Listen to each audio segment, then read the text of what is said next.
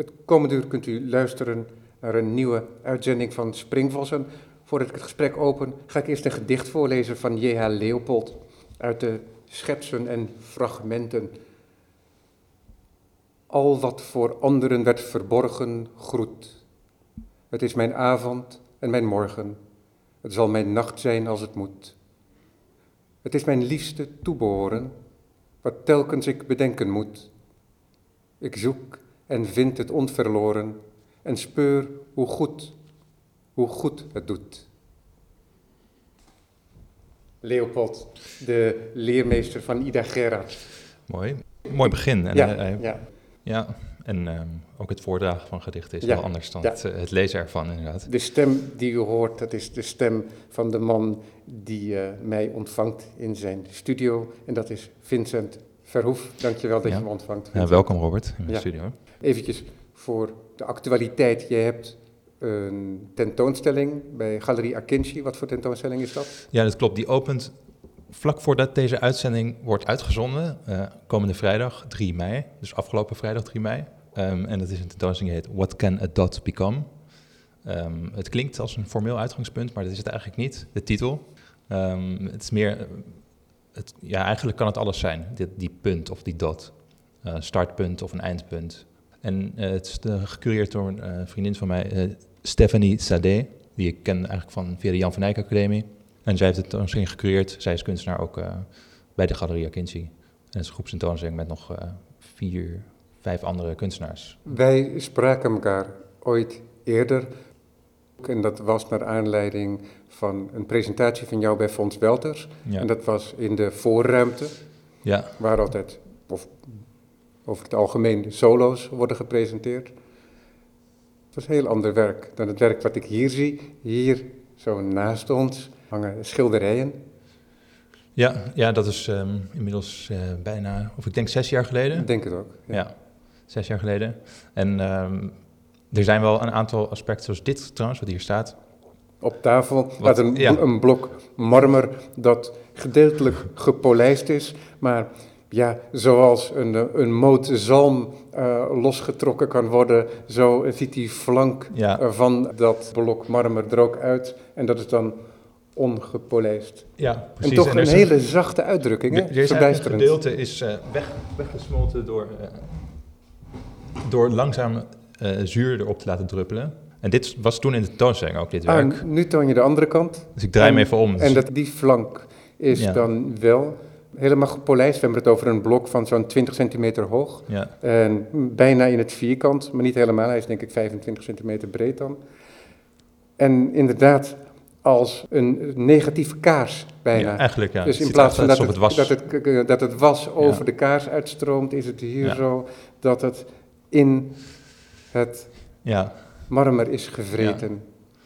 dus nee, maar er is inderdaad eh, aantal werken of aspecten van de werken die vooral denk ik op een andere manier tot uiting komen wat betreft materiaal bijvoorbeeld of qua eh, ja, esthetiek. Maar dan is denk ik de, eh, soms is de intentie of het, gevoel, ehm, dat blijft eigenlijk bijna gelijk denk ik. En ook een aantal werken die hebben voor mijzelf inmiddels, krijgen ze een steeds langere, een soort langere spanningsboog. Of, eh, dat ik weer terug kan keren ja, bij iets wat inmiddels al een hele tijd geleden, tenminste in mijn korte leven, dan gedaan is. Ja, Ja, het was ook een oppervlakkige constatering natuurlijk. ja, Je bent dezelfde persoon. ja, en het is niet zo dat jij, je hebt het althans niet medegedeeld aan mij, dat je een radicale nieuwe start hebt gemaakt als kunstenaar onderweg. Maar er zijn altijd veranderingen Ja, natuurlijk. zeker. ja. Nee, ik ben ondertussen inderdaad steeds meer gaan schilderen. En ehm, dat is eigenlijk, eigenlijk door te doen is dat zeg maar uit de hand gelopen, een beetje. Zonder dat ik daar heel bewuste beslissingen over heb genomen. Maar dat ik denk ik zocht ook naar een soort afbakening. Niet dat ik alleen nog schilder nu, maar eh, dat je zeg maar binnen dat, binnen dat, ja, dat medium word je eigenlijk automatisch afgebakend. En zelfs binnen die kleine ruimte is het eigenlijk nog oneindig wat je daarmee kan doen.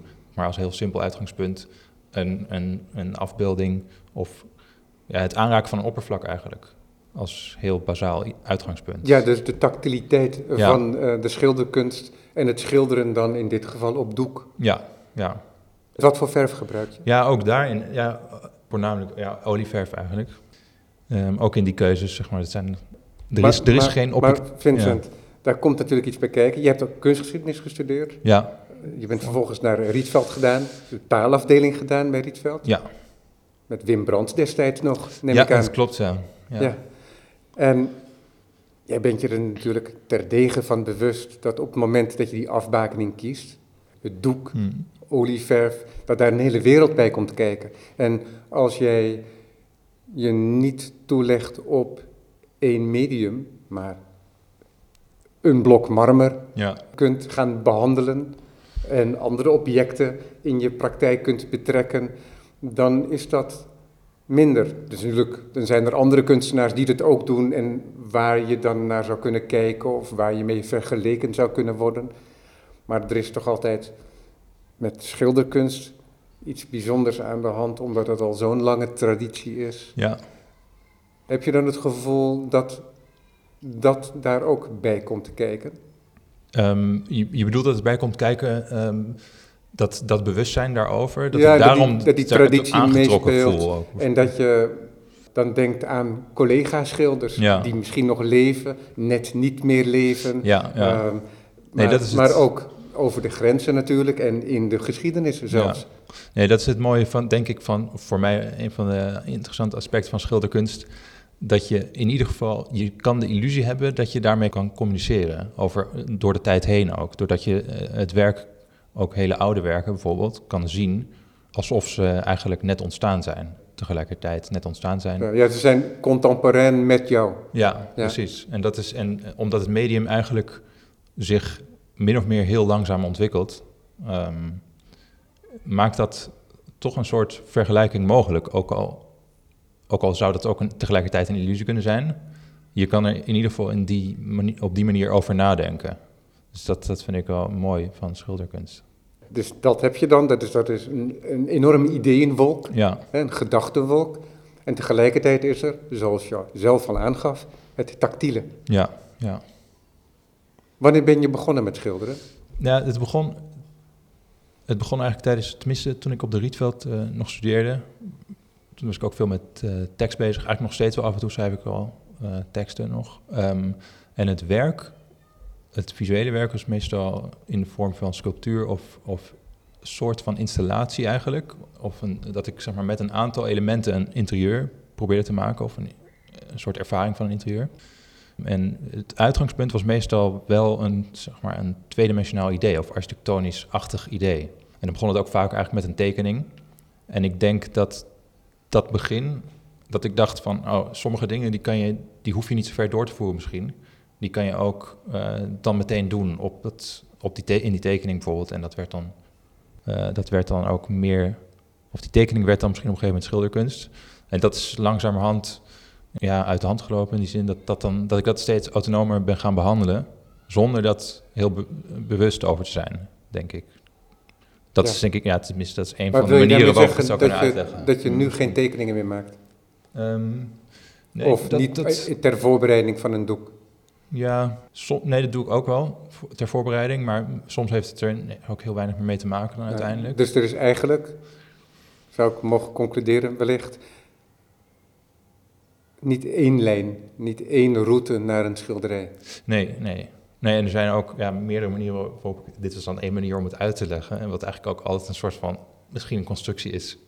Eh, en ik kan het ook op een hele andere manier. Ik kan ook andere redenen geven. Ja, precies. Dus ik weet het ook Ja, niet, eigenlijk. Nee, maar dat, Dat is dat is interessant. mooie, dat is iets ik. wat bijna altijd ongezegd blijft voor Ja. de microfoons. Ja, Maar dat is eigenlijk altijd zo. Dus elke uitleg heeft iets van een gelegenheidsuitleg, omdat die in een omgeving wordt uitgesproken. Ja, ja. In de omgeving van mijn vragen, ja precies. eh, maar ook in de omgeving van je eigen woorden op dat moment. ja, nee, soms kan je een uitleg geven die bijna, eh, bijna tegenovergestelde is. Die even logisch kan lijken, Ja, nou goed, meer over dit metagesprek later. Ehm, hier op de grond achter jou zie ik ook nog twee blokken marmer eh, staan, Ja. die tweedelig is, waardoor het bovenste blok toch iets van een soort hoofd begint te worden. Het is eigenlijk één blok. En het onderste gedeelte, je ziet een soort horizontale lijn lopen over het blok. Ja, en dat- een, en een vertekening van Ja. kleur ook. En dat is eigenlijk weggesleten ook door eh, zuur. Ach, Ja, dat was eigenlijk na deze tentoonstelling waar je voor v- bij Fons Welders. Bij, Ja. Voor een andere tentoonstelling had ik toen dat werk gemaakt. Ja, mooi. Ja. En die is dan gericht naar een groot schilderij. Misschien is het aardig om een- paar werken heel vluchtig te ja. beschrijven. Wat voor formaat heeft het? Het is een liggend formaat. Ja, ik draai me even om om het ook te bekijken. Ehm, het is eh 1 meter bij 1 meter 20. En dat is eigenlijk min of meer op dit moment ook de groot, het grootste formaat wat hier is. Ja, en dat kun je op verschillende manieren lezen. Het is een, eh, wit schilderij. Dus wit geschilderd. Ik weet niet of dat echt witte verf is of dat het de onderlaag is. Ja, nee, het is eigenlijk gewoon de preparatie. Dus er is geen verf, of tenminste het is dan... Ja, eh, het is geen olie. nee, Ja. nee, nee, precies. Dus, ja. Ja, en daarop is een horizon, zou je kunnen zeggen, afgebakend, laag, mooi glooiend, iets onrustig. Ja. ja, het wordt eigenlijk, denk ik dat het meerdere dingen tegelijkertijd kunnen zijn. Want het is inderdaad, je zegt een horizon en daarmee wordt het ook een soort van landschap. En ook door de kleur, het is een beetje een soort groen, maar dan niet Ja. helemaal, ook een beetje modder, modderig soort groen eigenlijk. Ehm, eh, Maar het is dus inderdaad die horizon waardoor er een ruimte wordt gesuggereerd. En die ruimte die is vervolgens in dat groen,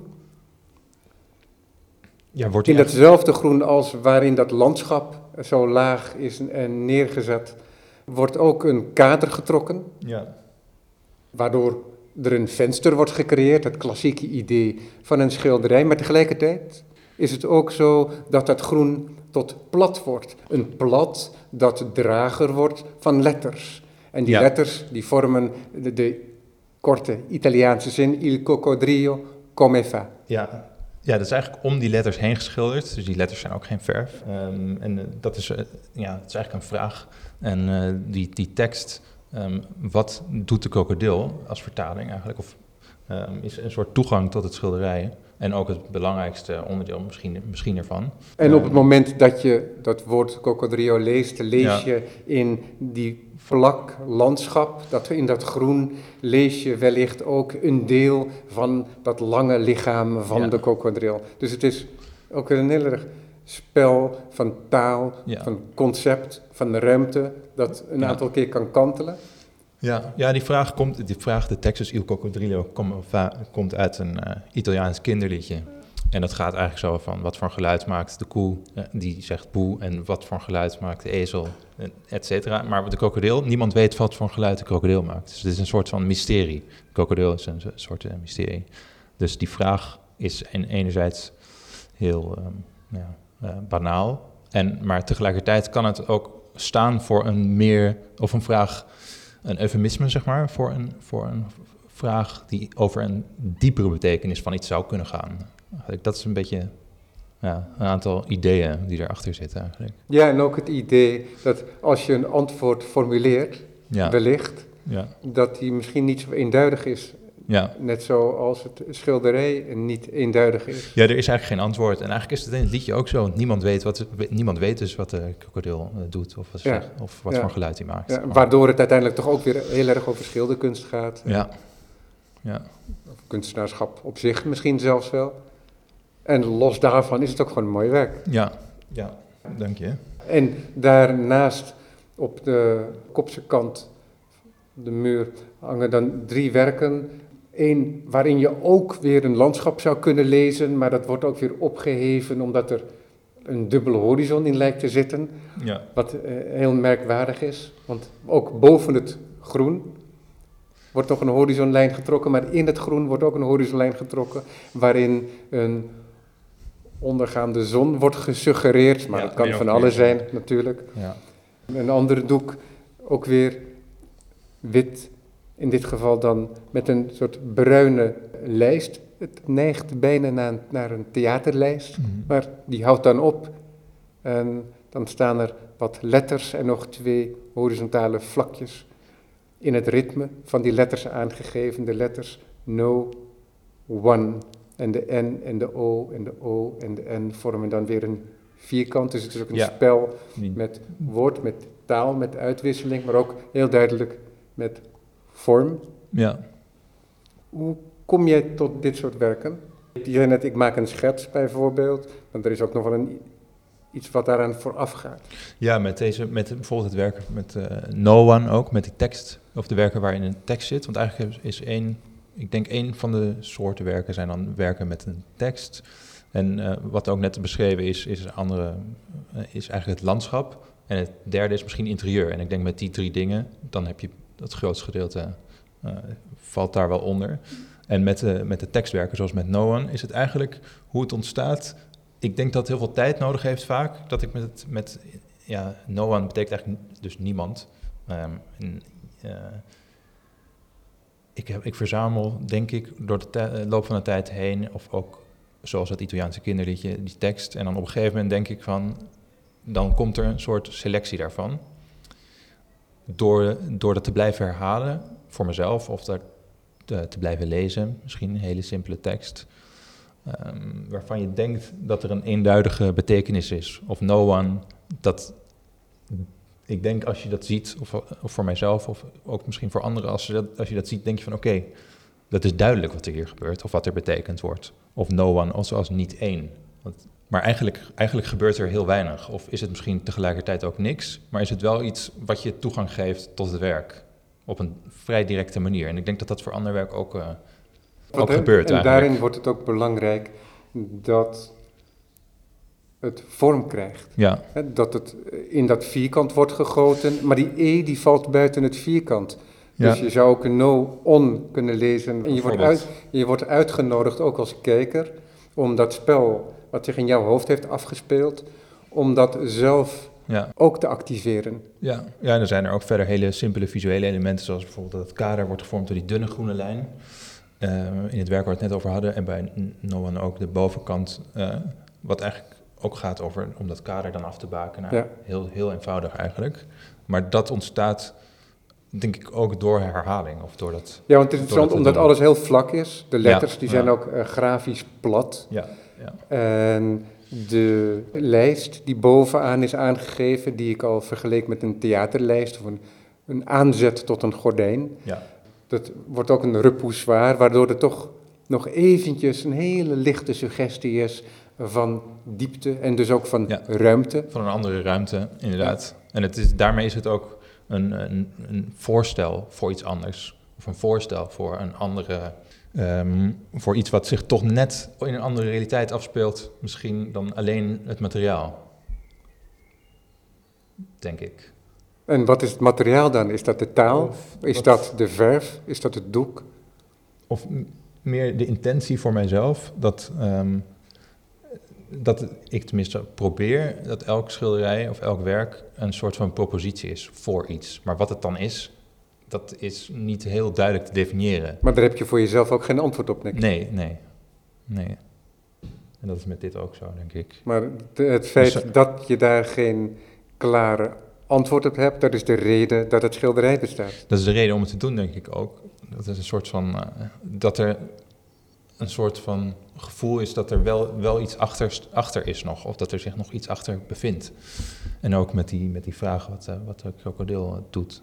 Wat voor geluid Ja. hij maakt. Ja, ja want het is gek hè, dat je, Maar er is geen oplossing. Of Ja. er is geen. Ja. dat je taal en beeld bij elkaar brengt. Dat is heel natuurlijk voor jou, ja. met jouw achtergrond en met jouw interesses.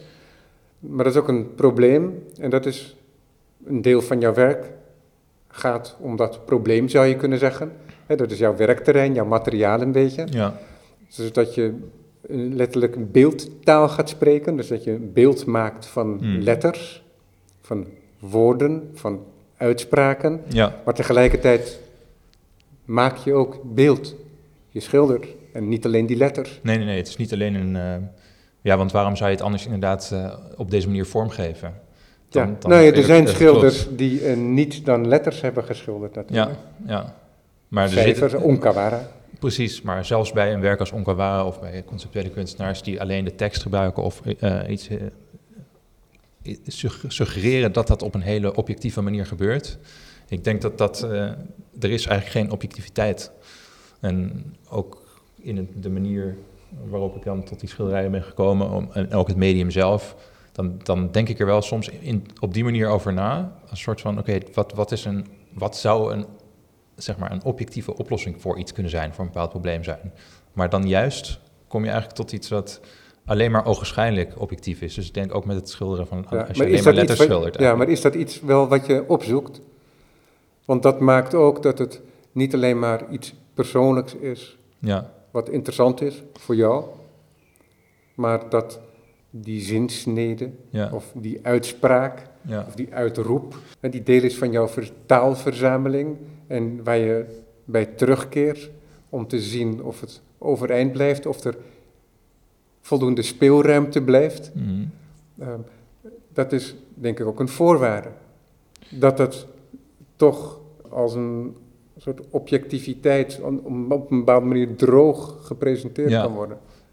Ehm, ja, of wat ik denk wat ik opzoek is misschien, ehm, ja, wat je zegt, droog gepresenteerd wordt in de zin van eh, dat, dat je misschien een toegang verschaft tot, het tot de afbeelding, maar dat wat voor mij interessant is, is dat, het, dat, dat er eigenlijk geen oplossing is. Zeg maar, dat je altijd blijft zitten met bepaalde problemen, ondanks ja, de hele geschiedenis. En eh, ondanks het idee dat dat binnen de kunst heel, eh, of tenminste vaak benaderd wordt vanuit een soort progressie eh, en een soort opeenvolging waarin een soort logica zit, denk ik vaak dat...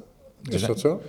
Nou, in, in de zin van, eh, als je naar de historici, naar conceptuele kunst bijvoorbeeld kijkt uit de jaren 60, dat is dan, heeft dan eigenlijk, eh, speelt dat zich af binnen een bepaalde context. Maar het lost niet precies eh, meteen direct iets op. Het geeft, het geeft vaak weer bijvoorbeeld andere of nieuwe problemen.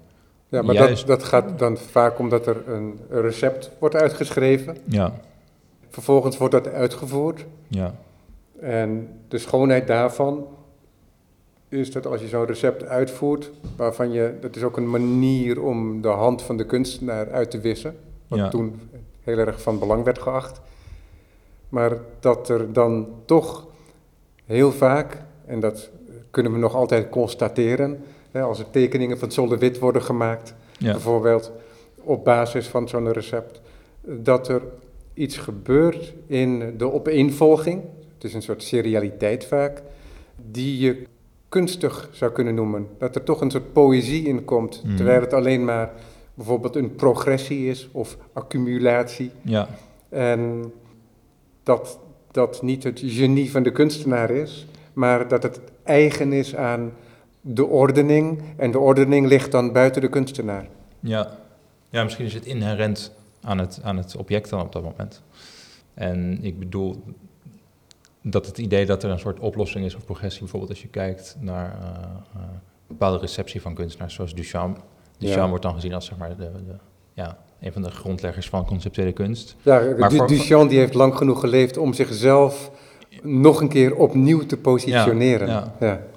En voor mij, ik was altijd heel erg in eh, Duchamp geïnteresseerd ook. En ik heb ook het, op een gegeven moment ook in Philadelphia, eh, waar eigenlijk eh, al- ja, al het werk is min of meer wat hij gemaakt heeft.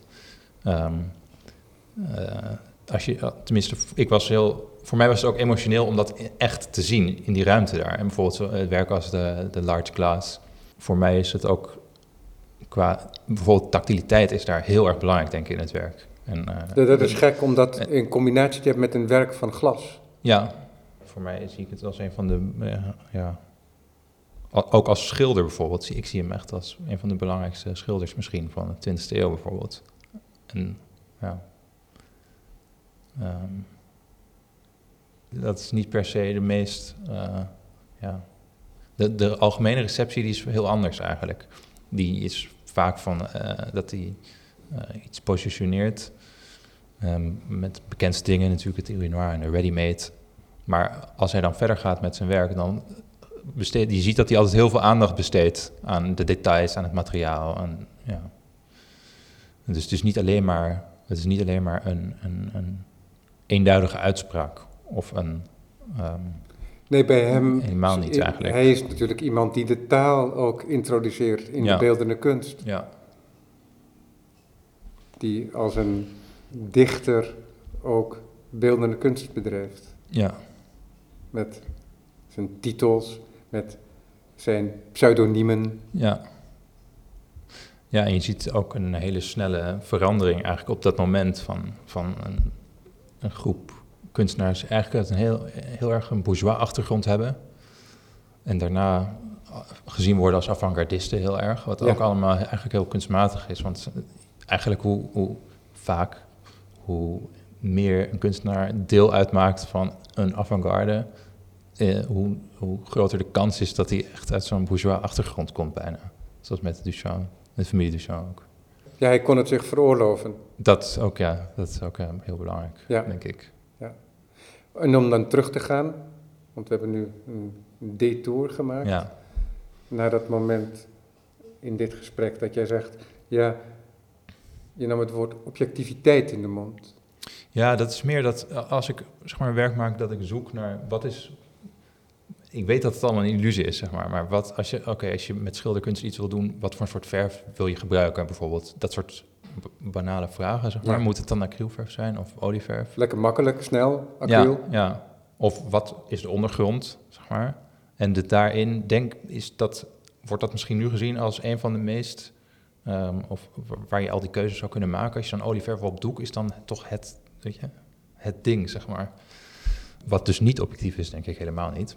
Maar daar gaat het ook daar gaat het uiteindelijk en daarom... dat, is, dat is het een spel. Precies, en daarom kom ik erbij terug ook, Ja. want daar gaat het ook niet om. Nee, Maar nee. het, waar het wel om gaat, is dat de poëzie overeind blijft. Ja, Dat je niet, zoals ik wel eens heb met werk van bepaalde nouveau realist ja, uit de jaren zestig, dat als je het grapje door hebt, dan is het werk als het ware uitgeknepen. ja, En ehm, ja, zoals Il Cocodrillo, come va, ja. dat blijft als beeld interessant.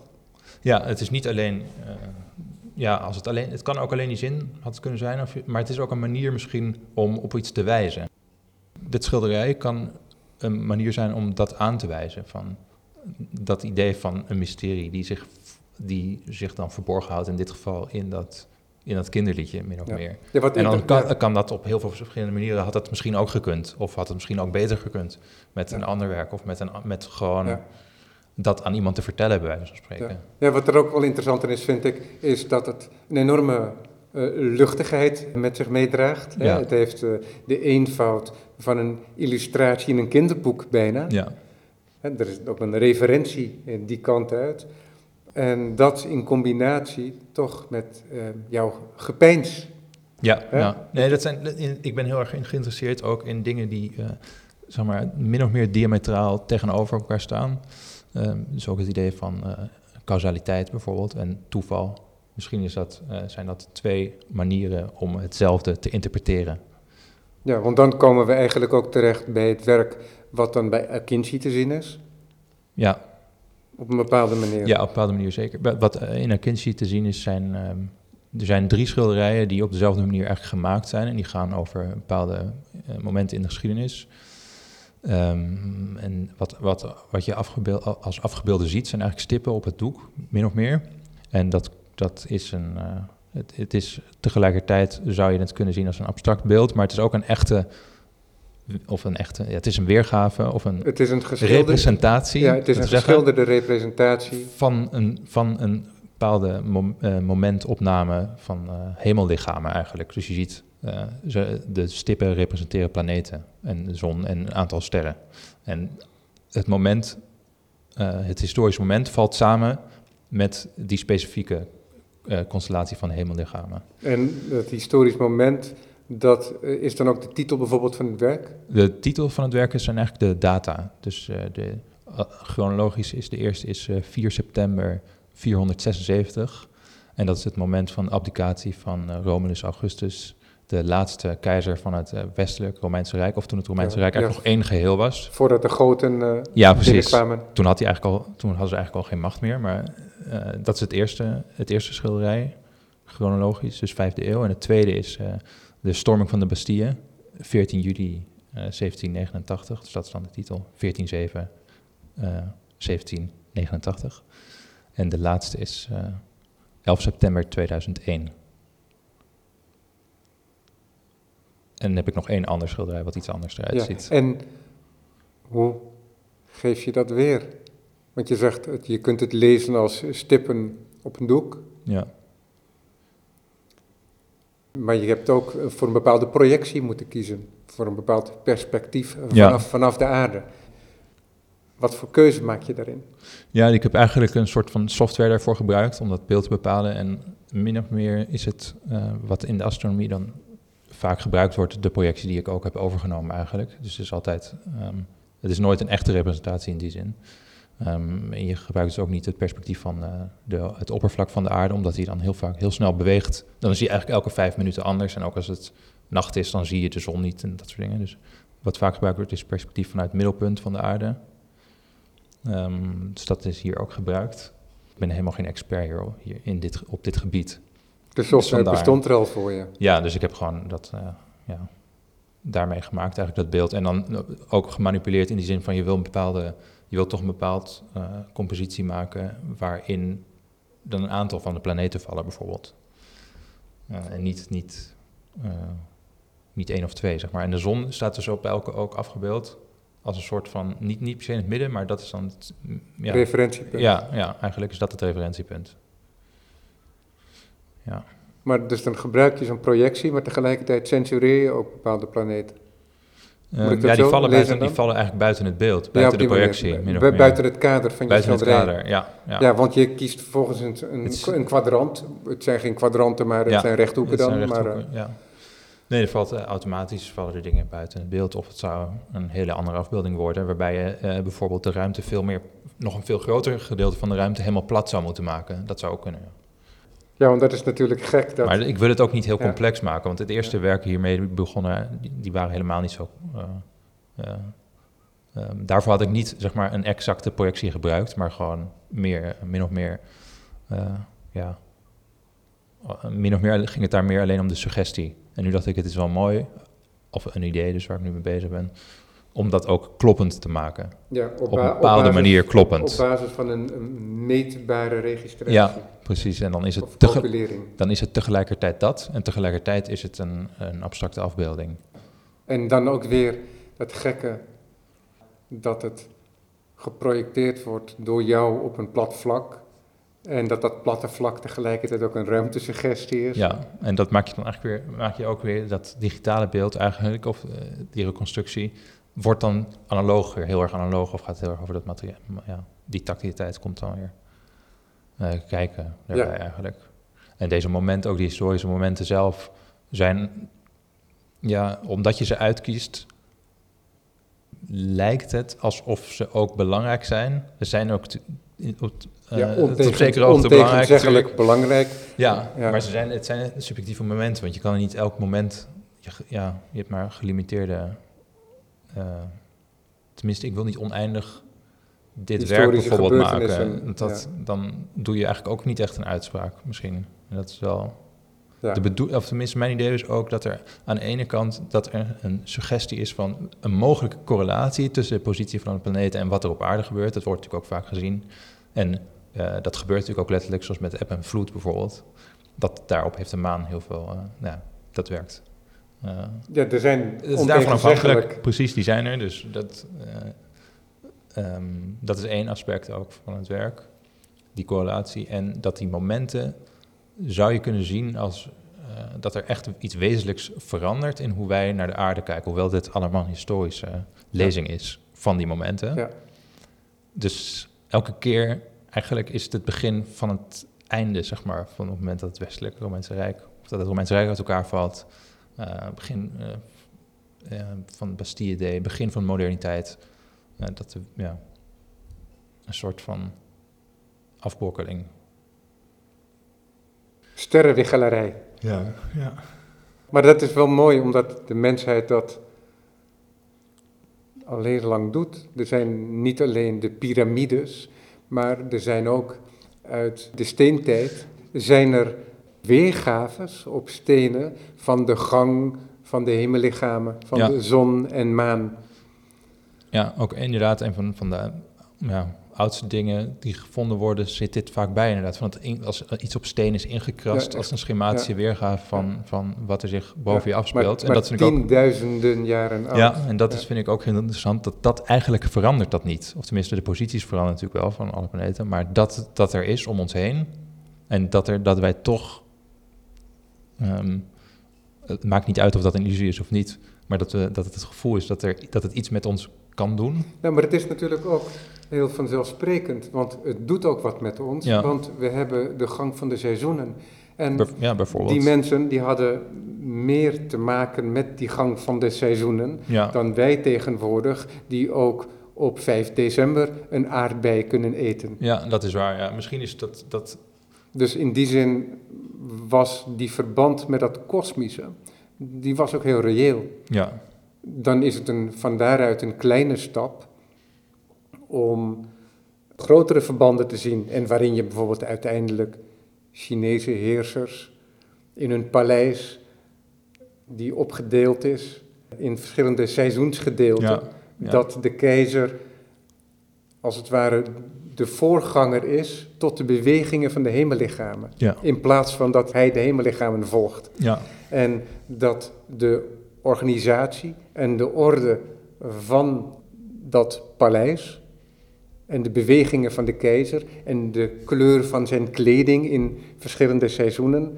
eh, dat die organisatie bepalend is voor de hele wereld. Dus dan is het niet alleen maar een soort abstracte zalving, hè, de, de zoon van het licht, zoals de keizer dan eh, werd genoemd, maar wordt er een directe relatie verondersteld en dan snap je ook hoe dwingend zo'n ordening moet zijn. ja.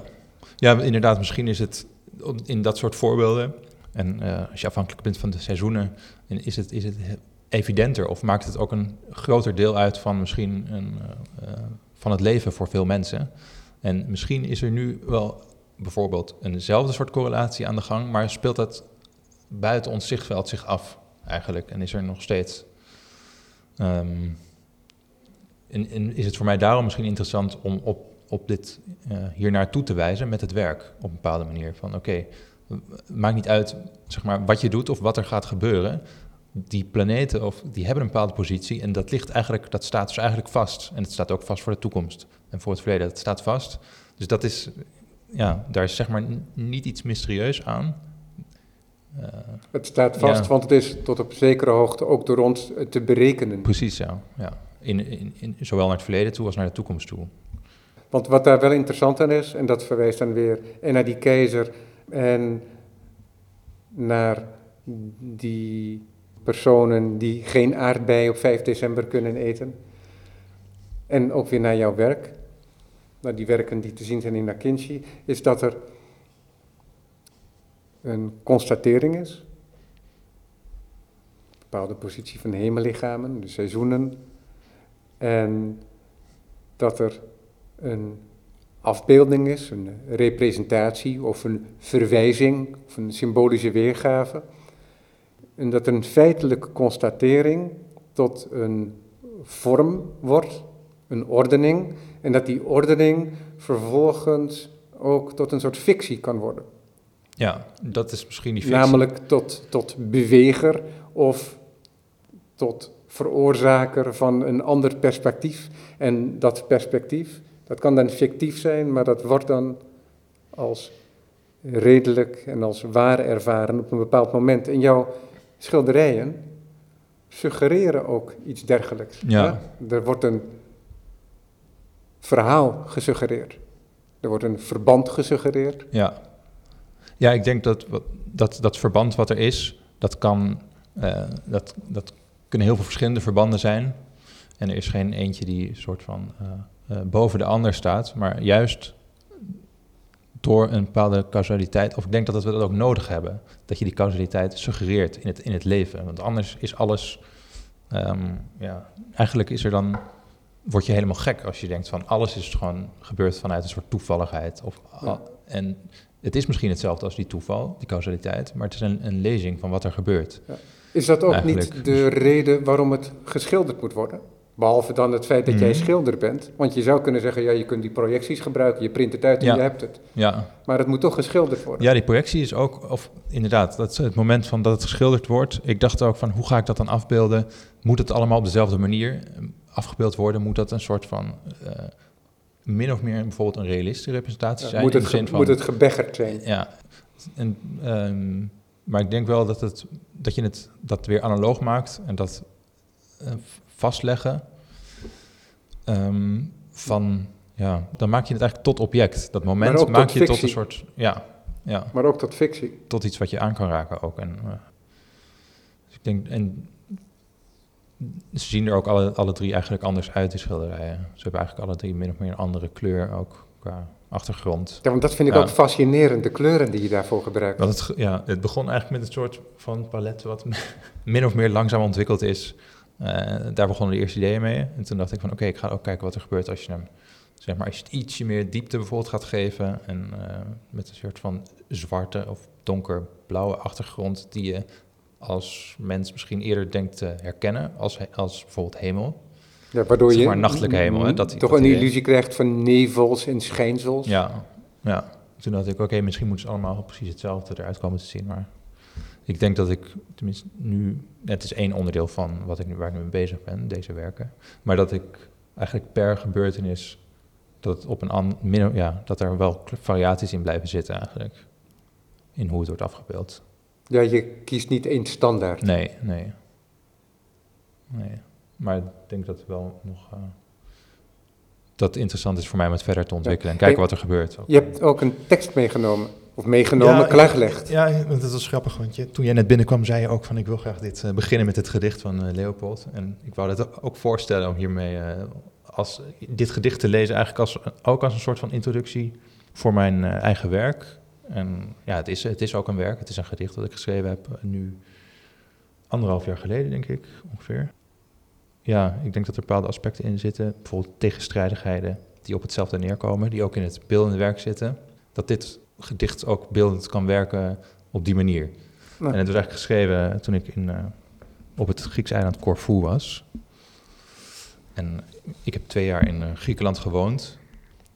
En eigenlijk gaat de hele conversatie zeg maar, vanaf het voorjaar tot, eh, tot de zomer. Eigenlijk gaat over naar welke eilanden ga je toe, waar moet je heen. En iedereen is heel, heeft hele uitgesproken meningen daarover. En eh, het gaat ja, onder andere daarover. En het heet eh, Griekse eilanden. Het is geschreven in het Engels. Greek Islands. La Luna, Pirate Bar, Santorini, Samothrace, Venetians, Ottomans, Kerkira. Usually it's too expensive, usually it's too cheap.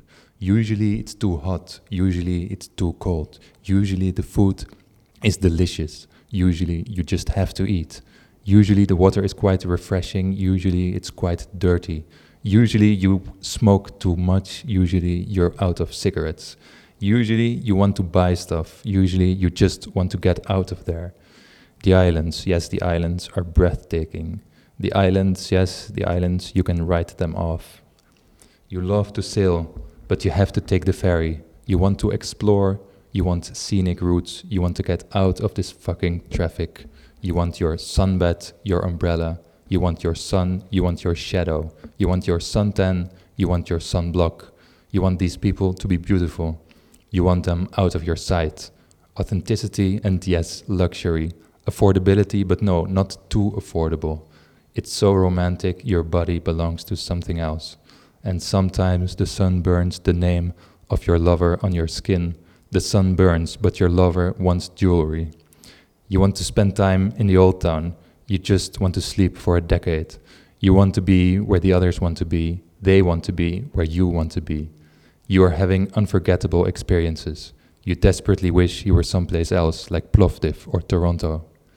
Usually there's not a breeze caressing your skin. Usually it's so windy, your words have no meaning. Cypresses, olives, lunar landscapes, you like their salty skins. This place is so remote, but it's hard to find a place to park. Salt burns spring's wounds. Might it even disinfect, you wonder? Goriatiki, grilled octopus, and patatas, always patatas. You want to listen to music, but the music is too loud. You think you're overstaying your welcome.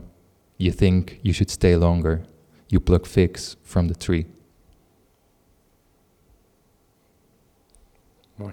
Ben jij in de gewoonte om gedichten te schrijven? Mm, in, ja, sommige periodes, niet, niet voortdurend, maar soms, zoals met dit gedicht, was er wel echt een moment dat het was ook echt letterlijk aan het strand en zat, zat aan het strand.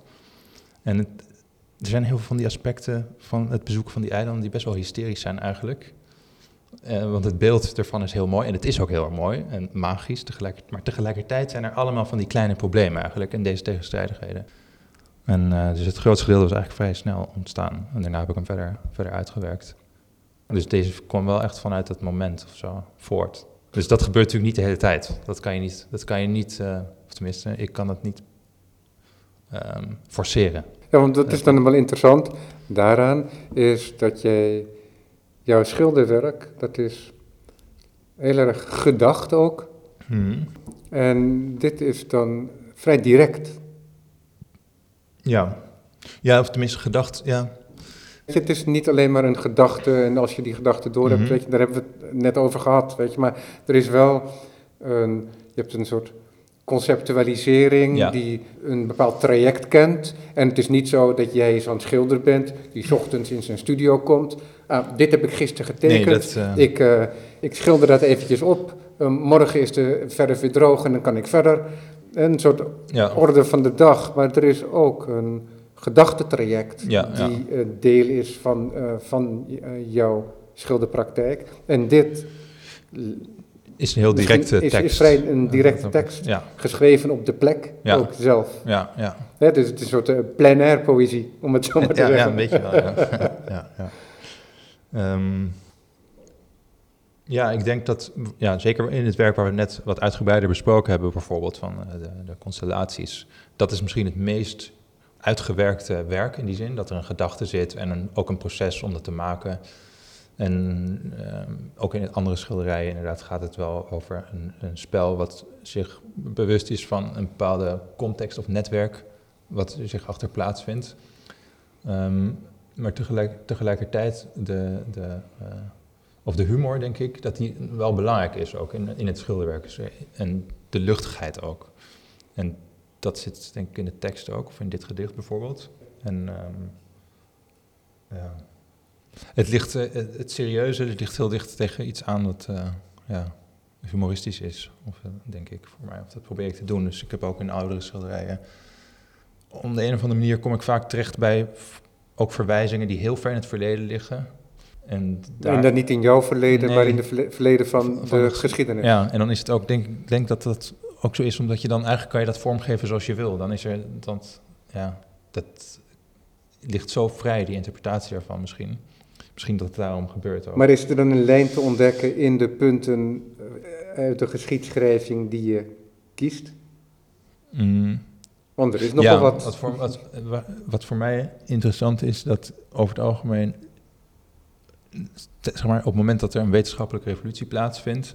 en als, dingen, eh, als wij naar een steeds rationele of, uh, lezing van de werkelijkheid toe gaan dan ben ik daardoor ben ik eigenlijk geïnteresseerd in alternatieve manieren uh, ja, hoe je de wereld ook kan bekijken eigenlijk. En bijvoorbeeld met wat ik, als we het over astronomie hebben, wat ik interessant vind, is dat in de geschiedenis verandert ons beeld eigenlijk van het universum uh, 180 graden meerdere keren. Eerst is de aarde plat, uh, dan is die rond, dan is het universum heeft het een beperkte omvang en daarna is die oneindig. Dingen die echt tegenovergesteld van elkaar zijn. En um, als, je niet, als je op het moment dat er een bepaalde consensus is, als je daar niet achter staat, dan ben je eigenlijk gek. Ja. Min of meer of word je gezien als iemand die ja, een heel gek idee heeft over de werkelijkheid. Ja, maar het is ook zo dat die doxa, hè, die consensus, die is in bepaalde periodes, um, want je zegt nu, eh, hij was plat bijvoorbeeld, maar er zijn ook Grieken die hebben geformuleerd ja, dat, dat de aarde een sfeer was. Ja. Dat is natuurlijk het beginpunt van die rationalisering waar je natuurlijk naar verwijst. Dus in die zin is dat ook niet zo gek. Hè? Het is niet per definitie een weerlegging van wat jij zegt, nee, nee, wil nee. ik maar zeggen. Nee, het is meer dat deze ideeën, dat, het, dat wat daaruit blijkt, is dat de waarneming, of jouw eigen context en positie, en tijdperk ook, dat die heel veel invloed hebben over over wat je ziet om je heen, eigenlijk. En hoe, je de, hoe je de wereld ervaart. Ja, maar wat jij dus zegt, en um, dat is misschien niet volledig uit, uit de verf gekomen nog, of niet voldoende, is dat jij zegt dat wij, als het ware, um, deelnemen aan een consensus. Ja. En, maar zo een waarvan we zeggen, ja, natuurlijk, natuurlijk is, de aarde rond. Maar op heel veel punten als je net eventjes buiten de tijd zou kunnen staan, Ja, is dat veel minder vanzelfsprekend dan je zou denken. En is die positie van andere mensen in een andere tijd veel beter te begrijpen in die zin ook. ja. Dus een, een relativering is dat ook. Ja, ja, ik denk dat het, misschien is het ook heel menselijk om de illusie te willen hebben dat je de dingen kan overzien eigenlijk. Maar dat is wat wij doen, toch? Dat wij, dat is dat ook die gedachte die geformuleerd is door Jean-François Lyotard, maar zo'n 60 jaar eerder ook al door de dichter en criticus T.S. Eliot, dat datgene wat al gemaakt is, beïnvloed wordt door wat, datgene wat gemaakt gaat worden. Ja, Dus een schilderij van jou zou mijn blik op een schilderij van Duchamp uit 1915, laat ik maar zeggen, eh, kunnen beïnvloeden. Dat is een retrograde invloed. je kan zeg maar, of ik ben ook geïnteresseerd in het werk door zo'n bijvoorbeeld een hele lange spanningsboog inderdaad, iets wat heel lang geleden gebeurd is. Dat, is, dat zou heel relevant kunnen zijn voor wat zich nu afspeelt. En in, inderdaad ook beide kanten, beide kanten opwerkend, zoals bijvoorbeeld met een lezing van iets uit 1915. Maar er zit denk ik in onze hele rationele benadering en ook het idee dat wij eigenlijk voorbij zijn aan de moderniteit, daar zit denk ik een soort van gevaar, waar, waar ik ook, eh, waar mijn werk denk ik ook over gaat, is ja, dat, dat we zitten nog steeds in een soort van romantisch tijdperk eigenlijk, want we staan nog steeds bovenop de berg. We zijn nog steeds degene die, eh, bijvoorbeeld in de ecologische discussie, nu is het de mens die vernietigt de natuur en nu is het de mens die de natuur eigenlijk moet redden. En ook in onze eh, ideeën over postmoderniteit, die zijn eigenlijk heel voorbarig, denk ik vaak, want volgens mij zitten we nog midden daarin. En is er niet een, een ja, oplossing ontstaan. Ja, maar dat zijn typisch schermutselingen in de tijd, Ja. op het moment, Ja, omdat er geen er lijkt overzicht is. Nee, dat is waar. En dan eh, die, of tenminste, het, is geformuleerd alsof er wel een overzicht is, zeg maar, de Hegeliaanse lezing van de geschiedenis. En oké, dit is het einde nu. En om dat niet aan te nemen, dat is toch eh, In die heel zin is, moeilijk het- is het eigenlijk. ook heel interessant, die schilderijen van die constellaties, dat die vanuit dat centrum dan van de aarde Ja, geprojecteerd worden ja, en dan overgenomen in jouw schilderijen. Dat die mens naar buiten kijkt, maar tegelijkertijd is dat naar buiten kijken is ook een... het construeren van de eigen blik heel erg, of van de eigen eh, ervaring van de, van de werkelijkheid. Bijvoorbeeld wat, eh, en dat is misschien ook even nog een verband bijvoorbeeld met de tentoonstelling eh, bij Fons Welters toen, eh, een aantal jaar geleden. Die titel, ik weet, was, ik weet de titel even niet meer. Ehm, maar dat ging, het uitgangspunt was het een schrijver die had over kleur geschreven en over ehm, eh, bijvoorbeeld de kleur blauw. Dat die eigenlijk niet in de natuur voorkomt. Dat het, de taal bepaalt eigenlijk heel veel van hoe wij de werkelijkheid ervaren.